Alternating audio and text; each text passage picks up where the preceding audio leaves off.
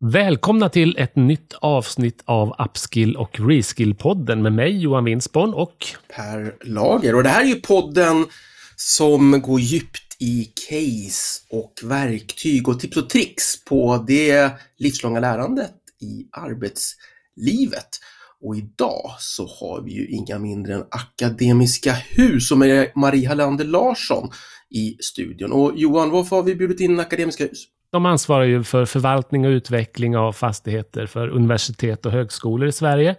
Och där verkar man ju inom en bransch som verkligen står i frontlinjen när det gäller att möta förändringar. Och fastighetsbranschen blir ju på något sätt som en slags spegelbild mot alla trender vi ser i samhället. Från satsningar på hållbarhet till att allting ska vara uppkopplat mot internet. Och dessutom så arbetar ju Akademiska Hus just med fastigheter för lärande. Och de insikter man får i vad som skapar bra kunskapsmiljöer ger ju ett särskilt spännande perspektiv på hur man arbetar för att möta framtida behov av kompetent arbetskraft. Och dessutom så har ju Akademiska Hus en av Sveriges allra främsta HR-direktörer som vågar innovera, ifrågasätta och utmana. Så nu kör vi!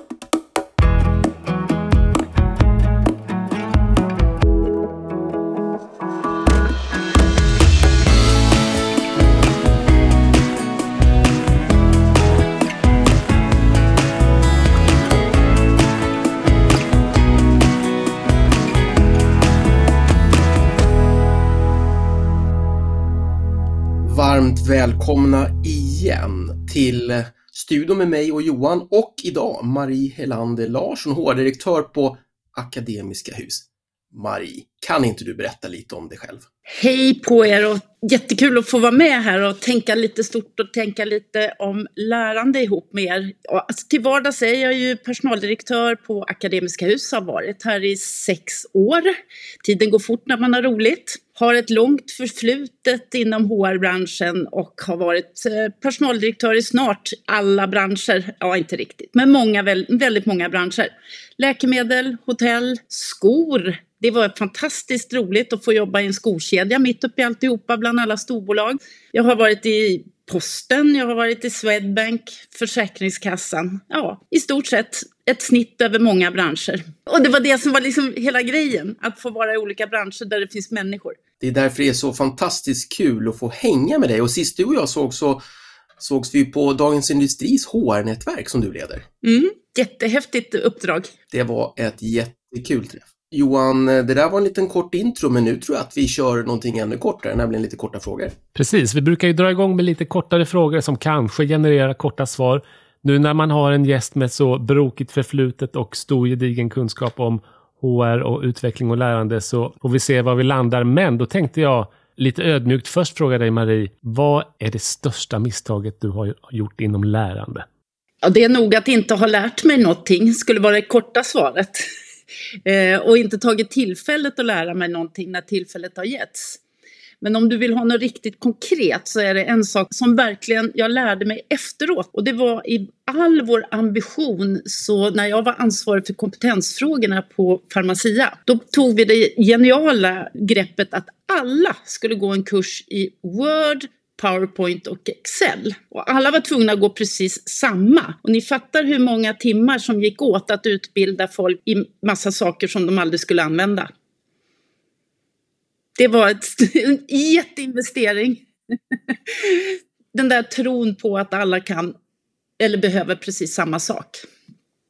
Det var ett stort misstag, ett dyrt misstag. Mm. Men som man lär sig av förhoppningsvis också. Absolut. Jag vet ju också Maria att du lär dig mycket själv och tar mycket initiativ till lärande. Och vilken är den bästa MOOCen som du har gått? Oh, jag har gått faktiskt rätt så många, men jag kan ta den jag håller på med just nu. Det är att eh, jag har gått en MOOC via Utrechts universitet om hur yrken uppstår.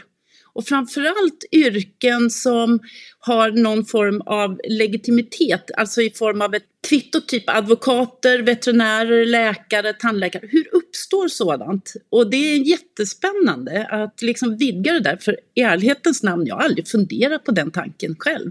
Hur uppstår yrken och hur uppstår certifieringen av yrken?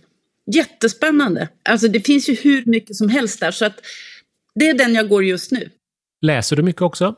Absolut, jag läser eh, väldigt mycket. Jag läser väl kanske två, tre böcker i veckan. Vilken är din bästa bok om lärande då? Oh, bästa bok om lärande. Ja, nu skulle det ju vara nära till hands att säga Per Lagers Reskill och Upskill, men den där får jag ge lite pass på. Den kan vi komma tillbaka till på slutet, för den behöver jag nog fundera lite på. Perfekt, då återkommer vi till den Marie. Per, ska vi gräva vidare lite djupare i det här med hur man ser på lärande? Ja, det tycker jag. Ehm, korta frågor följs av lite mer djupgående frågor då. Och jag måste bara börja med en sån här övergripande. Vad är, de, vad är de största utmaningarna inom lärande för dig, din roll och din organisation just nu? Ja, men lärande, ibland tänker jag lite som att lärande är som när man skulle få in nya IT-system. Det vill säga dels är det en generationsfråga, vad man har med sig från skolan. Eh, man har ju en bild av lärande som närs när man är ung och i bästa fall så har man haft en fantastisk skoltid. Men min erfarenhet när man pratar med medarbetare är att den har inte varit så fantastisk över åren jag vill ju gärna tro att hela utbildningsväsendet blir bättre och bättre och lärandet blir bättre och bättre. Men 17 vet emellanåt. Och det här är ju någonting man har med sig in i yrkeslivet. Så den största utmaningen är ju egentligen synen på lärande. Att allt är kurs. Att det inte är det här vardagslärandet och att få en attityd och en inställning till att lärande händer hela tiden. Just det tycker jag är en stor utmaning. Sen en annan utmaning som inte bara är på individnivå utan också på organisationsnivå, det är ju det här evinnerliga tjatet om effektivitet. Jag skulle ju i min värld mycket hellre vilja prata om produktivitet. Det vill säga, vad är, vad är det man gör av det? Bara för att man har lärt sig en sak och gör det fortare och snabbare och kostnadseffektivare så innebär det liksom inte att det blir något lärande av det. Så jag önskar att man var mera utifrån ett ledarskap tittade mer på produktivitet än effektivitet. Jag tror ni hänger med mig på vad jag menar, att produktivitet är ju någonting skapande av det man har lärt sig. Och du har ju jobbat i, i så många olika sektorer och, och branscher och företag och organisationer med lite olika typer av medarbetare i. Ser du, är det stor skillnad, är det mest likheter mellan hur medarbetare lär sig beroende på vilken bransch och vilken utbildningsbakgrund eh, man har. Nej, men det är klart att går du in som jag när jag jobbade i Swedbank, eh, då, då, har man någon form av förförståelse för att det krävs en hel del utbildning för att hålla på. Man förväntas att alla ska ha gått högre utbildningar inom ekonomi och sånt. Medan jobbar man i en skobutik, till exempel när jag var på Vedin skor, då var det ju mycket ungdomar som jobbade där som kanske inte hade en utbildningsbakgrund. Så det är klart att och allt däremellan så skiftar det ju. Jobbar jag som jag gjorde i läkemedelsindustrin där, där större delen av eh, alla forskare var disputerade och det var en enormt hög utbildningsnivå. Men i samma företag hade du också de som stod och slog tabletter i fabriken. Så det är lite, även om man stod, i, stod då, även om det låter lite eh, tråkigt och nedvärderande, men stod man ute i fabriken så krävdes det också väldigt mycket utbildning. Man kan faktiskt på pillernivå veta vem det är som har gjort vilken tablett och att den personen har rätt behörighet och utbildning. Med det långa svaret så tror jag att alla branscher kräver sin kunskap men det ser olika ut hur man tar sig dit. Det du säger om olika branscher hur har det format din syn på lärande, just den här möjligheten att få ha varit med i så många olika branscher? Jag hade ju turen att jobba i väldigt kunskapsintensiva företag i början, så jag förstod rätt snart att ska vi hänga med i utvecklingen så behöver vi blåsa varmluft på kunskap och kunskapsutveckling. Och allra högst fart på det fick jag när jag jobbade just i läkemedelsindustrin. Där man liksom tjänar pengar och väldigt långsiktigt måste tänka kunskap. Vilken forskning ska vi ha inom vår verksamhet för att vi ska kunna vara relevanta på marknaden? Så jag formades rätt tidigt av att man bygger affären på kunskap. Och det har ju jag burit med mig på diverse olika sätt. Så att det har absolut format mig.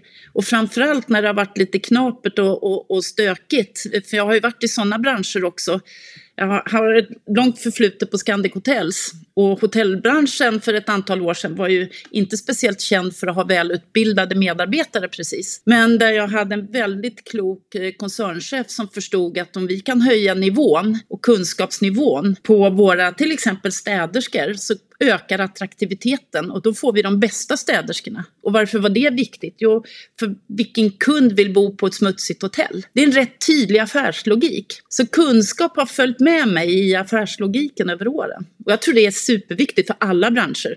Sen hur man löser det, det kan se olika ut. Men eh, om vi spinner vidare på det där då, att alla branscher behöver sin, sin beskärda del av kompetensutveckling, fylla på med kunskap och på lite olika nivåer, på lite olika fokus och sådär. Men hur får man det där att hända då? Hur får man alla medarbetare att på sin nivå med sitt fokus lära sig tillräckligt mycket, både i vardagen och lite mer strukturerat? Vem vem är det som är den här katalysatorn som får det att hända? Är det HR-avdelning, är det VD, är det styrelse, är det medarbetaren själv? Eller är det en kombination och hur ser den ut i sådana fall? Vi har en devis på Akademiska Hus i mitt HR-team där vi säger att jag är ju hästtjej också, det måste jag ju få sagt då, så därom det här citatet att man kan leda hästen till vatten men man kan inte tvinga den att dricka.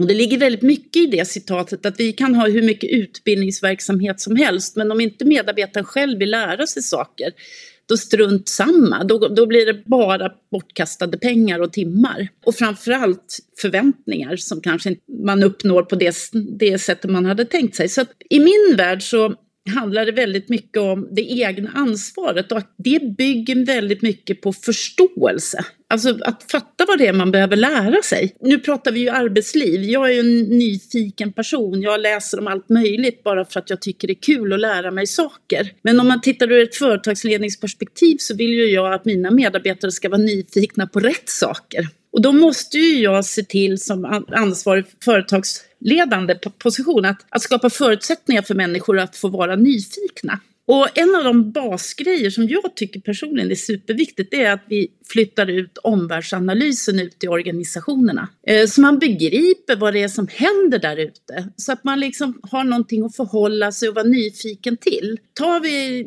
till exempel det här med att vi i alla våra hus nu för in eh, otroligt mycket mer teknik. Då vill det ju till att vi talar om att nu kommer digitala tvillingar ut i husen på ett sådant sätt så våra medarbetare tänker så här, hmm, digitala tvillingar, undrar vad det är. Vad ska jag lära mig för att hänga med på det här? Och också skapa förutsättningar för medarbetarna att förstå hur det är tänkt att det ska fungera. Så jag förespråkar ju liksom att ja, det är superbra att ha folk som sitter i någon stabsfunktion och eh, fixar med fantastiska omvärldsanalyser. Men om vi inte får ut omvärldsanalysen och insikten så kommer vi inte få någon förändring. Så att jag tror, det var ett långt svar på din fråga Per, men jag tror på en mix av att vi förser organisationen med kunskap, men vi måste också göra det på ett sådant sätt så att medarbetarna kan haka fast i det här. Alltså, jag ska ta ett jättetydligt exempel. Vi satt och pratade om det här med digitaliseringen och hur vi skulle få ut det till alla medarbetare i Akademiska Hus. Och då har jag en av Sveriges absolut vassaste löneadministratörer hos mig. Varpå hon satt och fnulade och funderade på det här och så kommer hon tillbaka på nästa HR-möte och så säger ja men jag tror att jag kan vara med och bidra till att öka digitaliseringen genom att jag börjar med att digitalisera resräkningar och tidrapporter. För det är sånt som varje individ måste göra. Och om jag får dem att göra det, då bidrar ju jag till att öka digitaliseringsförmågan i hela företaget. Och när man har en löneadministratör som tänker så, kan vi få flera att tänka som hon, så blir det ju att vi bygger upp kunskap om vad jag behöver lära mig. Jag behöver kunna det här och hon hittar formerna för det. Så snacka om att vi fick fart på mycket, många av våra medarbetare som inte ens hade bank-id till exempel. Därför helt plötsligt så skulle man få in sin, sitt utlägg så var man tvungen att digitalisera sig själv såna här enkla vardagsgrejer som driver beteende hos oss, som ökar förmågan att förstå vad det är jag behöver lära mig. Det är ju nästan som att eh, man kan hänvisa till Richard Taylor här och nudging, att hitta de här små knuffarna i vardagen. Precis. Som gör att man får en liten hjälp eh, att göra det man vill ska hända att verkligen hända. Stort tack Marie! Men, eh, men Johan, vi har ju redan varit inne på en hel rad case, eh, men nu kommer vi in eh, på eh, lite epicentrum i podden, eller hur? Ja, men det är ju det som är så spännande när vi har sådana här fantastiskt eh, roliga gäster, att det bara strösslas med bra case på hur man faktiskt lär sig i arbetslivet. Inte desto mindre så ska vi ju gå in på ett case som jag vet Maria har förberett lite extra, där vi gärna vill höra lite grann om en utmaning som ni har haft på olika sätt. hur ni ville lösa det och hur sen, vad blev effekterna och resultatet av det? Så Marie, du får gärna berätta lite mer om ett särskilt case.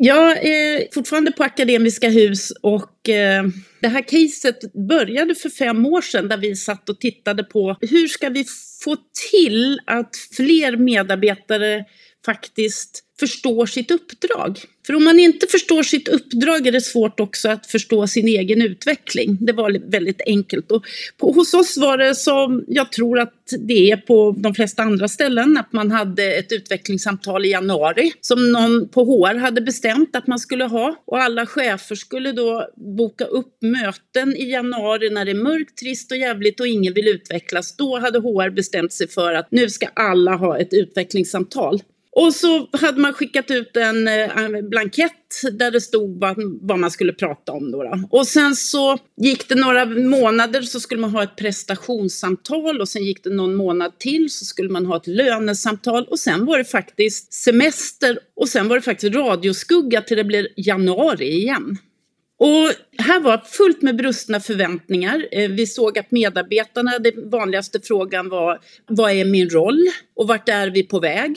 Och vi sa att vi måste börja med ett vitt papper och tänka nytt. Och vi började då med att skapa det vi kallar för uppdragsdialog. Det första vi gjorde var att vända på kuttingen och säga att det är medarbetaren som är ansvarig för det. För hur ska man som chef veta när Marie eller någon annan faktiskt inte är på banan? Utan det är jag själv som har det ansvaret att veta vad som förväntas av mig och mitt resultat på jobbet. Så att vi drog igång ett test och sa vad händer om vi kastar ut utvecklingssamtal och medarbetarundersökningar och sådana där grejer. Och börjar med ett vitt papper. Och uppdragsdialogen bygger på två frågor. Ett, vad är mitt uppdrag? Och ni skulle bli förvånade om ni frågar folk och ber dem beskriva sitt uppdrag, hur många som faktiskt inte vet vad de ska göra på dagarna och vilka förväntningar man har på sig. Det låter väldigt enkelt, men det är inte det. Och den andra frågan är vilka förutsättningar behöver du för att lyckas? Och där ligger ju hela utvecklingsperspektivet, där kurs kanske är en liten grej. Men för att jag ska kunna driva utveckling och känna att jag också med mitt uppdrag kan flytta berg, då handlar det ju också om att man får tid, man kanske får pengar, man kanske behöver kollegor, man behöver eh, referenspersoner, referensföretag, man kanske behöver ringa till en Johan eller Per för att få support. Det är så otroligt mycket mera än det traditionella att man ska ha en utbildningsplan. Så att perspektivet är något helt annat. Vi har plockat bort den traditionella medarbetarundersökningen och har, vi gör en mätning i januari, men det är för att vara en uppstart på året där vi mäter att alla medarbetare utifrån sitt uppdrag har fått förutsättningar.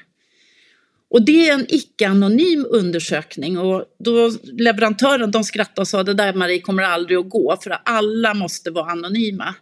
Men vi har 89,7 procents svarsfrekvens så vi är rätt nöjda. Folk vill ta ansvar, folk vill att eh, man ser och hör vad de har för åsikter och behov av förutsättningar. Och den mätningen tar då reda på vilka utbildningar eller utvecklingar eller tid kontakter eller vad det nu kan vara som behövs och blir då ett underlag för våran plan på HR, vad vi ska föra ut. Och här finns det en väldigt tydlig koppling till hur vi får ut sakerna sen. Vad behöver vi göra under året för att försöka tillmötesgå utvecklingsbehoven på olika sätt? Så uppdragsdialogen är en kärna hos oss. Och när vi förde in det här för fem år sedan så tittade alla storök på mig och frågade var är blanketten? Men det finns ingen blankett. Och en av mina kollegor var helt galen på mig och sa, du, vad ska jag skriva? Vad vill du att jag ska skriva? Och jag sa det, ja, jag skiter i vad du skriver på ren svenska. Det viktigaste är att du och din medarbetare är överens. Och återigen, är det förvånansvärt långa avstånd mellan vad medarbetare och vad chefen uppfattar är förväntningar. Så att här är det dialogen och reflektionen som är den viktigaste. Och reflektion tror jag själv personligen är en av de viktigaste puckarna för lärande överhuvudtaget. Att sätta sig ner och reflektera ihop med sin chef. Vad är det vi ska göra på dagarna? Det som också är extremt viktigt i uppdragsdialogen är ju kopplingen då till vår verksamhetsplan och det hänger ihop med det här med omvärldsanalysen som jag var inne på innan. Att förstå vart vi är på väg. Det här är vad som förväntas från styrelse och ledning att vi ska leverera på. Och så dockar vi ihop det med lite omvärldsperspektiv.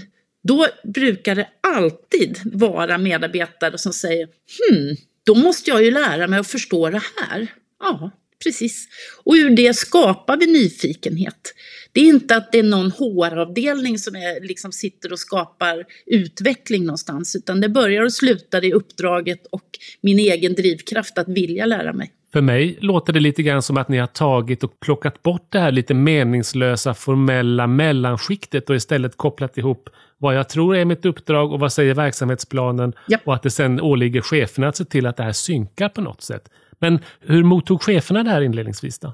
De tänkte att nu är det något dumt påhitt från HR igen liksom. Men vet du, jag begick ett misstag. Jag borde ha tagit en krona betalt varje gång någon säger uppdrag. För då hade jag varit en hyggligt rik kvinna idag kan jag säga. För nu så har vi precis genomfört en omorganisation, vilket är rätt ovanligt hos oss skulle jag vilja säga. Vi har i många år valt att inte rita om rutor utan prata mycket mer om arbetssätt och samverkan. Men så kommer man till en viss gräns där man behöver skruva om lite grann i strukturerna av olika skäl. Och hörni, då ställdes det ju verkligen på sin spets. Att vi har ju sett då att har man tydliga uppdrag då blir det väldigt enkelt att synka sig. Eh, man har någonting att utgå ifrån. Och det jag upptäckte också, som jag inte hade med i planen, var att det är också ett utmärkt sätt att tydliggöra när det blir uppstår konflikter eller missmatch i systemet. För jag, jag åkte upp till ett av våra lärosäten för några år sedan, precis när vi hade fört in det här. Och de bad mig komma upp för att det var ett himla liv i någon fråga. Och på vägen upp så gick jag in för att vi har det här i system så man kan se vad alla har för uppdrag. Så jag plockade ut de här två uppdragen och när jag kommer upp till det här lärosätet så inser jag att ja, men det är klart att det här är massa målkonflikter. Det är ju klart att det inte funkar. Så det blev också ett problemlösningsverktyg. Jag tror att cheferna tyckte väl från början att det här var ett jädra påfund på ren svenska, citat en chef. Men som idag förstår poängen att får jag bara medarbetarna att veta vad de ska göra på dagarna och att mitt jobb är att se till att de får förutsättningar, då händer det saker och ting. Då når vi våra mål. Rätt enkel logik, sen är det svårt att göra. Och det är ju klart att vi har som alla andra haft medarbetare och chefer som har varit på hela skalan från att wow, det här ska jag göra till att måste jag? Och vi har ju fått vara där och puttat och men vi har en rätt enkel körregel hos mig och det är att vi lägger all energi på de som vill. Och de allra flesta vill. Sen kanske man inte kan. Då har vi ett stort ansvar att, hjälpa till. Men vi börjar alltid med de som vill och låter inte de andra få ta all vår energi. I med den strategin så får vi med oss otroligt många människor som ligger där precis i kanten och behöver lite putt över kanten. Vilket fantastiskt bra och inspirerande exempel detta var. Och du nämner ju här Marie en av de viktigaste sakerna, reflektion. Och det har ju Per och jag också tagit fasta på i vår podd och därför kommer vi nu erbjuda en liten musikpaus medan vi reflekterar över ditt fantastiskt fina exempel.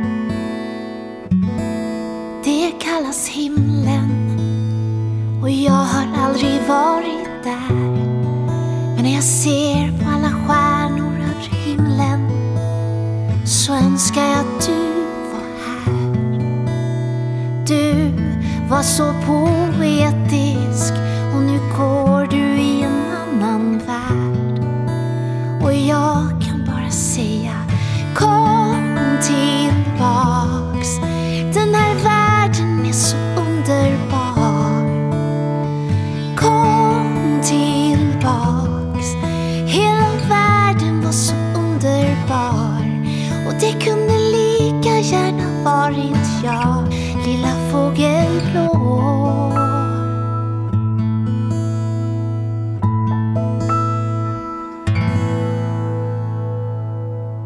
Så fick vi lite tid att reflektera, lite härlig musik. Tack så mycket för det.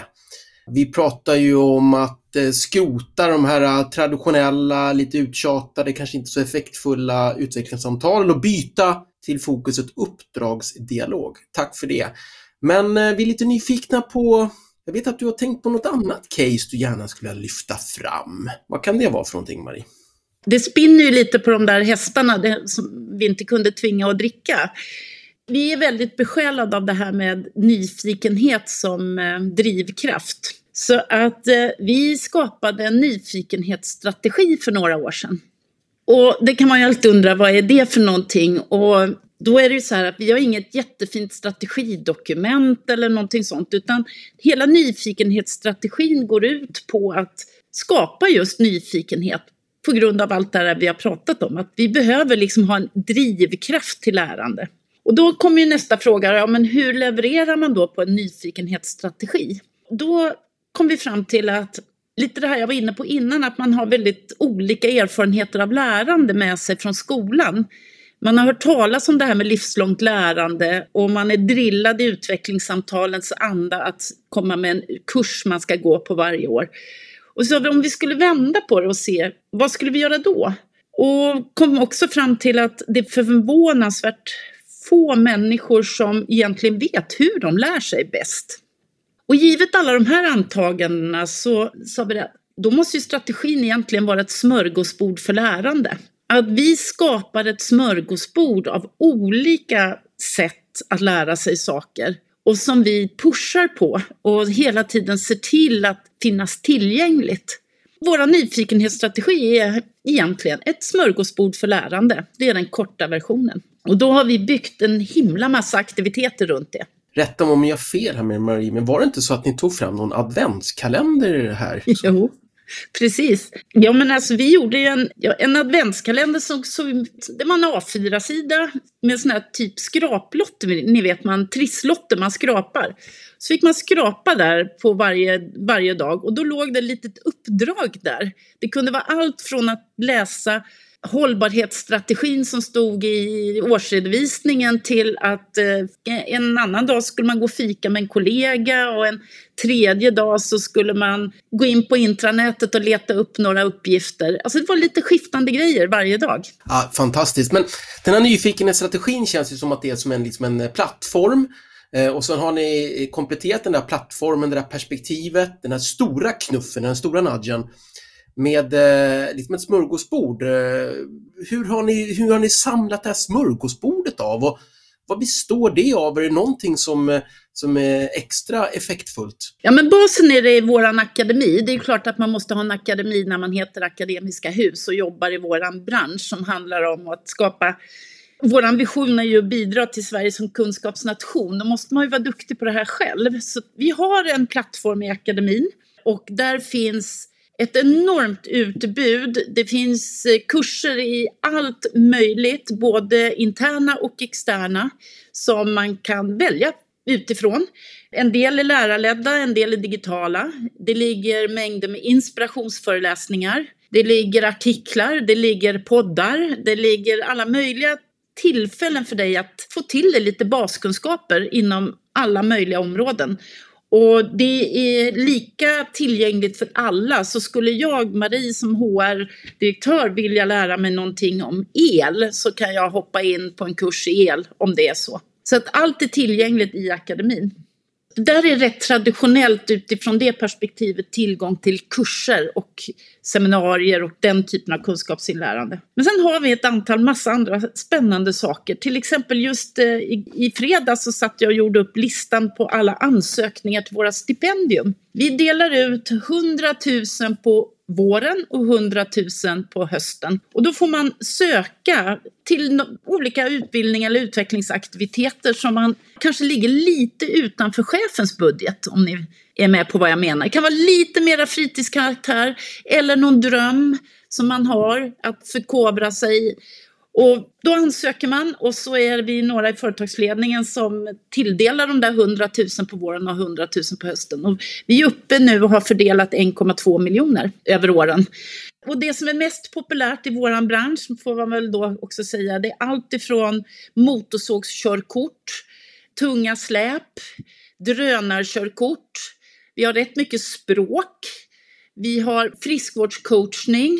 Vi har en del eh, som vill lära sig att rita, vilket har varit otroligt roligt därför att man kan nu också skissa på våra campusområden och sådär. Så det kan sticka ut lite utanför ordinarie. Så stipendierna har varit otroligt uppskattade. Och så har jag en grej till som jag gärna vill lyfta fram och det är faktiskt våra bokcirklar. Vi tänkte så här att jag gillar ju att läsa och så satt vi och snackade och så, tänk om vi skulle ordna bokcirklar. Och vi har gjort en jätteelegant enkel grej. Vi valde ut fem böcker. Vi har satt en samtalsledare. Man får boken och man får behålla boken bara om man är med på det här reflekterande samtalet. Annars får man skicka tillbaka boken så någon annan får vara med. Och då har vi valt medarbetare från organisationen som är speciellt intresserade av något ämne som samtalsledare. Så på det viset har vi utvecklat en massa människor som är superduktiga på att leda samtal. De där bokcirklarna, vi tänkte äsch, vi slänger ut fem böcker och ser vad som händer. Och alla blev i princip fullbelagda inom en vecka. Och det som har varit roligt är nu att de här grupperna har sedan fortsatt med egna bokförslag. Det här blev mycket bättre än vad vi hade trott faktiskt, att det var fler som var intresserade av att göra så här. Och det passar en viss typ som älskar att läsa böcker och diskutera. Och så är det andra saker, stipendier, som passar en annan. Vi har massa handledarutbildningar. Vi går in nu och ska köra ett jättespännande lärlingsprogram där vi kommer att rekrytera unga människor som får en driftteknikerutbildning, certifiering. Och handledarna är medarbetare som ska gå i pension inom ett till tre år för att få kunskapsöverföringen mellan de unga och de äldre erfarna. Det var bara några. Tack Marie. Ja, det var några. Jag vet att det bara sprudlar av idéer från dig och dina kollegor på, på HR-avdelningen och andra chefer. Det är så jäkla inspirerande att höra. Men eh, i försnacket här också så nämnde du ju lite kort om något eh, smågalet projekt som handlar om er nya ledarutbildning. Vad, vad handlade det där om? Ja, men vi har precis eh, satt en ny strategi eh, 2023 till 25 vi har ju en hundraårig vision. Vi ska ju bygga hus som håller länge. Och eh, då tänkte jag att eh, det kommer att bli, krävas en hel del ledarskap. Chefer har vi gott om, men det kommer att krävas en hel del ledarskap att leda den här resan. Och då gick jag faktiskt till företagsledningen och sa att jag har en idé. Jag skulle vilja att vi kör ett ledarprogram utan innehåll i tre år. Och så förklarade jag lite varför, det vill säga att vi bygger on demand under resans gång. Att ha en vision om att vi har en treårig plan som ska sättas. Tre år, det hinner hända jättemycket saker. Att köpa ett färdigformulerat ledarprogram kändes jättemossigt och gammalmodigt. Så vi bygger nu on demand och vad vi har gjort är att vi har en egen liten fakultet, vi är ju universitetsvärlden, där vi har valt ut några medarbetare som hjälper oss att ha örat mot marken och bestämmer innehållet från en gång till ett annat. Och det ställer rätt stora krav på oss som håller på och ska sätta ihop programmet. För det, det, det gäller verkligen att hålla ihop en röd tråd, hålla sig till strategin, men också en enorm kraft och möjlighet att få vara med och verkligen skapa förutsättningar för att strategin ska gå i mål jag tycker också verkar vara ett exempel på hur man faktiskt städar bort någonting som man inte riktigt behöver, utan faktiskt tittar på vad behöver vi här och nu och så jobbar man väldigt långsiktigt och målmedvetet för det. Jag tycker det låter fantastiskt spännande. Ska vi säga så här Marie, mm. att jag vet att ni har precis kört igång det här. Mm. Får vi bjuda tillbaka dig till podden om ett år så får vi se vad som har hänt under det här första året på det där ledarskapsprogrammet utan innehåll. Jättegärna! Då har vi ju en deal, vad bra. Då bokar vi gästerna om ett år också Johan, det, det gillar jag. Långsiktighet är viktigt. Tack så mycket Marie. Nu ska vi faktiskt gå in för landning så här på slutet i det här superinspelade samtalet. Mm. Och jag tänkte ju utmana dig med lite hiss och dissfrågor. Så här korta påståenden och så får du se om du, vad, vad du tycker om dem. Mm. Är du beredd? Mm. Ja. Det första kommer ju här då. Eh, utbildning på konferensgård. Hiss eller diss? Eh, diss. Diss, varför då? Men alltså, jag tror på att man ska vara där man finns. Man behöver inte lägga sig på en konferensgård för då blir det så himla mycket med hur mat och allt ska vara. Liksom, utan jag tror på den egna miljön. Mycket, mycket mera. Ja, det är bra. Då kommer nästa. Carol Dwecks Growth Mindset. Hiss eller diss? Hiss. Ja, det är bra. Eh, och så den sista frågan, får vi se om du går igång här på slutet nu då. Eh, det är klart att man ska få jobba och lära sig var som helst någonstans ifrån utan att ha någon plan för det. Eller man ska ha en liten tydlig plan när man är på kontoret och lär sig när man är hemma eller någon annanstans. Vilket av det är hiss eller diss? Nej, men jag tror faktiskt på plan. Därför att jag har upptäckt, jag, jag behövde själv bli duktig på att lära mig hur, och sortera mitt lärande lite grann. Och jag planerar mitt lärande varje vecka. Det står två, tre saker som jag ska göra.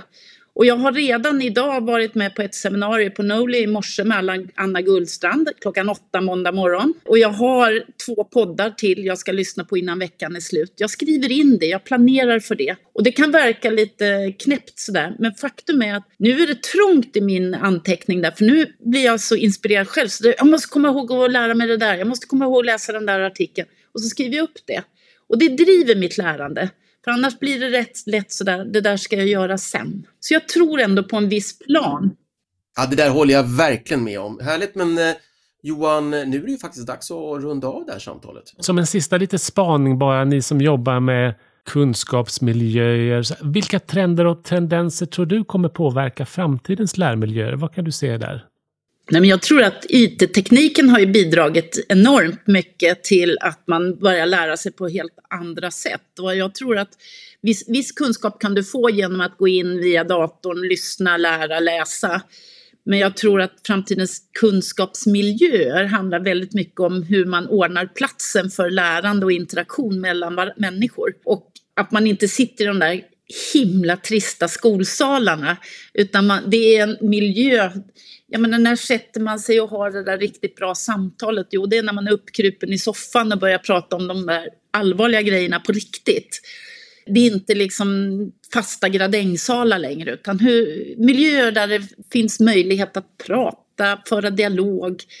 För jag tror ju att ju mer teknik vi för in, desto mer dialog och reflektion behöver vi ha tillsammans med andra människor. Ja, och där är ju samtalet med dig idag också ett jättebra exempel på det. Hur du bara sprutar ut fantastiskt spännande bra idéer på upskill och reskill som man kan lära och ta del av. Och en av de saker du nämnde var ju det här med bokcirkeln också. Och om du kanske kommer ihåg inledningsvis så frågar jag dig vilken var den bästa bok om lärande som du har, har läst? Och det vill vi veta nu. Och jag har ju inget bra svar för bok om lärande är svårt att nagla fast tycker jag för att de är så teoretiska. Det här låter ju helt knäppt men jag är en fanatiker av Pippi Långstrump. Just för att om man ska liksom se hur man lär sig så är hon, de böckerna fantastiska med, med hennes förhållande till överheten och allt det här.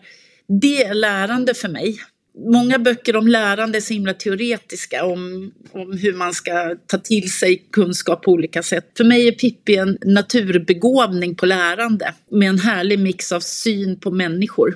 Det får bli en Pippi-bok helt enkelt. Och med det sagt Per, har det väl blivit dags att faktiskt landa det här spännande samtalet med Marie? Ja, vi får bara säga så här, ett stort, stort hjärtligt tack Marie för att du tog dig tid och delade med dig så frikostigt, så ödmjukt, så öppet om, om dina erfarenheter och hur ni jobbar på Akademiska Hus. Så stort tack och jag ser fram emot inspelningen om ett år med dig då vi ska följa upp lite hur eh, ni har fyllt det där eh, ledarprogrammet eh, med innehåll. Stort tack Marie och lycka till med allt! Tack snälla för att jag fick vara med!